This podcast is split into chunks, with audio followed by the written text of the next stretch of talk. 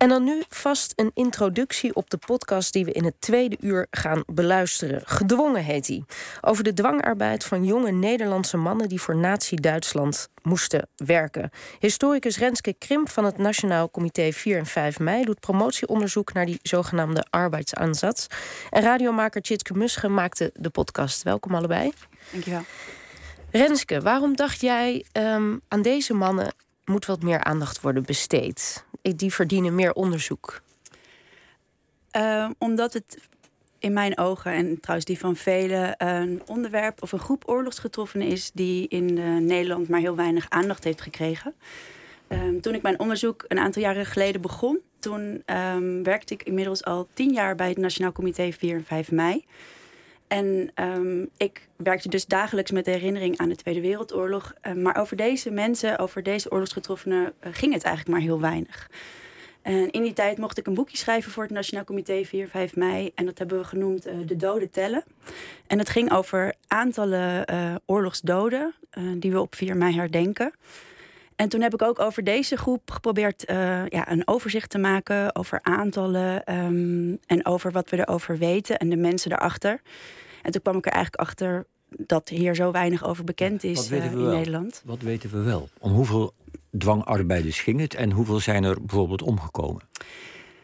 In Nederland zijn de schattingen, we werken alleen maar met schattingen. Nee, maar, ja, in Nederland gaat het over 500.000 tot 600.000 uh, Nederlandse arbeiders die in het Derde Rijk te werk werden gesteld.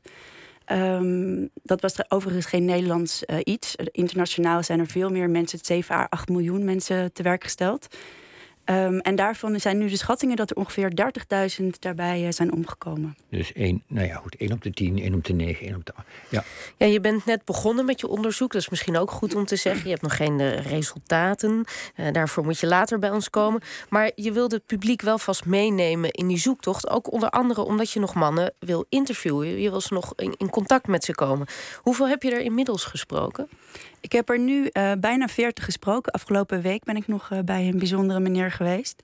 Um, en ja, mijn, mijn vertrekpunt van mijn onderzoek zijn die persoonlijke verhalen. Dus ik vind het nog steeds echt van groot belang dat ik met de mannen zelf kan spreken die hier uh, hun verhaal over kunnen vertellen. Nu, nu, nu noem jij het oorlogsgetroffenen. Waar ik wel benieuwd naar ben, is: zijn het ook allemaal. Want iedereen is oorlogsgetroffene die de oorlog overleeft, kennelijk. zijn er ook bevestigen de verhalen ook tot nu toe dat die mannen het moeilijk hebben gehad? Hoe, hoe kun je daar iets over zeggen? Nou, wat ik kan zeggen is dat de ervaringen enorm uiteenlopen. Het palet is echt heel breed. Um, er zijn verhalen van mannen die het relatief goed hebben gehad, of zelfs heel leuk. Um, en verhalen van mensen die het echt vreselijk slecht hebben gehad onder de verschrikkelijkste omstandigheden: slechte hygiëne, slechte voedsel of te weinig voedsel, hard werk. Um, dus dat loopt heel erg uiteen en is heel erg afhankelijk ook van in welke fase van de oorlog um, deze mannen naar Duitsland werden gebracht en hoe het dus ook ja, stond in Duitsland. In principe werden zij niet naar Duitsland gebracht om daar uh, slechter van te worden. Het was het Germaans broedervolk wat in principe de Duitse vacatures moest opvullen. Uh, dus aan het begin, de, de eerste uh, jaren, 42, 43, konden Nederlandse mannen ook gewoon op het platteland of in de dienstensector te werk worden gesteld. En in, bij een hospita wonen bijvoorbeeld en het daar vrij goed hebben. Ja, want degenen die omgekomen zijn, zijn bijvoorbeeld ook vaak door geallieerde bombardementen omgekomen en dat soort dingen natuurlijk. Ze zijn niet afgeslacht of zo. Nee, nee dat was niet de bedoeling ja. van, de, van de. Nee, bombardementen en ziekten, dat zijn eigenlijk de grootste doodsoorzaken. Nu wilde je dus um, uh, mensen meenemen al in je onderzoek. Onder andere door uh, het maken van een podcast. Tjitske Musche, jij hebt uh, weer voor die podcast vijf van die mannen gesproken... die, die Renske ook voor haar onderzoek heeft gesproken. Wat raakte jou het meest in die gesprekken? Want het zijn dus allemaal oeroude mannen, zoals dat dan. Uh... Oeroude mannen, ja, allemaal ver in de negentig. Die mij uh, tijdens de vorige lockdown met, met uh, open armen hebben ontvangen. Ik helemaal bewapend met honderd mondkapjes en, en stokken om maar genoeg afstand te houden. Maar deze mannen deden graag hun verhaal. Uh, en wat mij het meest geraakt heeft, is denk ik. Kijk, deze mannen, dit zijn de laatste nog levende. En dat betekent dat zij in de oorlog allemaal tiener waren. Dus 16, 17, 18.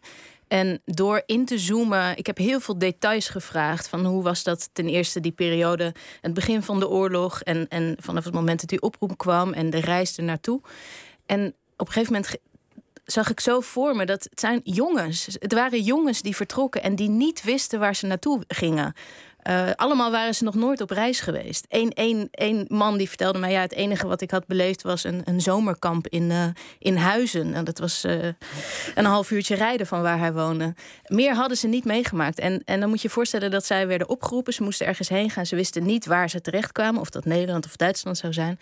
En um, uh, ja, de diversiteit en ervaringen die ze hadden. Dus uh, sommigen die gewoon de kroeg nog in konden. En anderen die uh, loopgraven moesten uitbikken in de Siberische kou.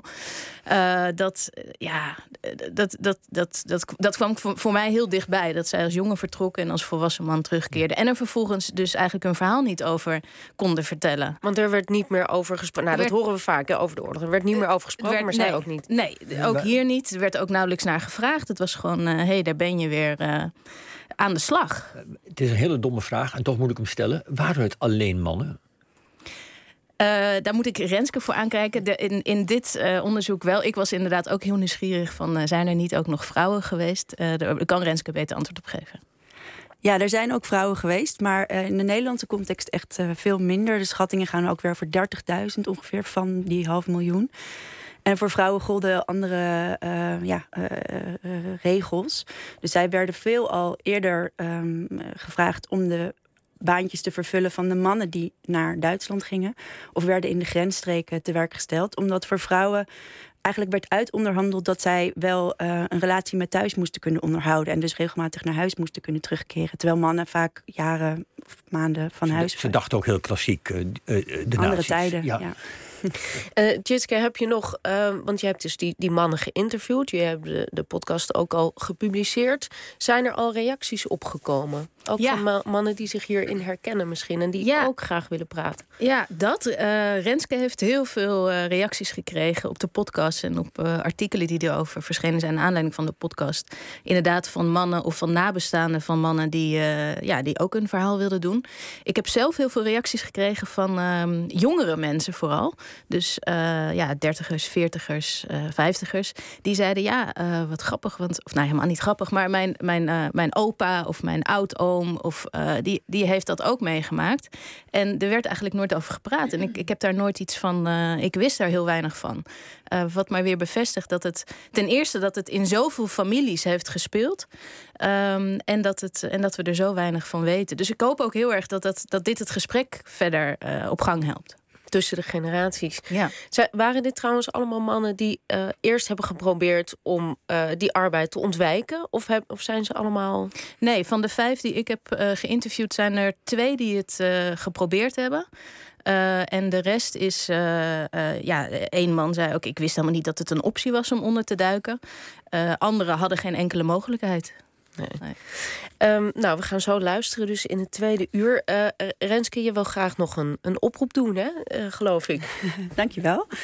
Nou ja, ik, voor mijn onderzoek zou het geweldig zijn dat als er mannen zijn die hun eh, ervaringen nog eh, aan mij willen vertellen, hun herinneringen met mij willen delen, eh, als ze dat laten weten. Dus heel graag voor wie dat wil. Ehm, ik ben er heel erg naar op zoek. Goed, dus als u als luisteraar denkt... ik ken nog wel een voormalig dwangarbeider die met... of ik ben er één misschien wel... die met Renske Krimp wil praten... mail dan naar ons mailadres ovt.vpro.nl. Hartelijk dank eh, allebei. En de, hoeveel delen zijn de podcast? Het zijn vijf delen. Vijf delen, ja goed. En kijk vooral ook op eh 4 en 5 mei.nl slash gedwongen. Goed, gaan we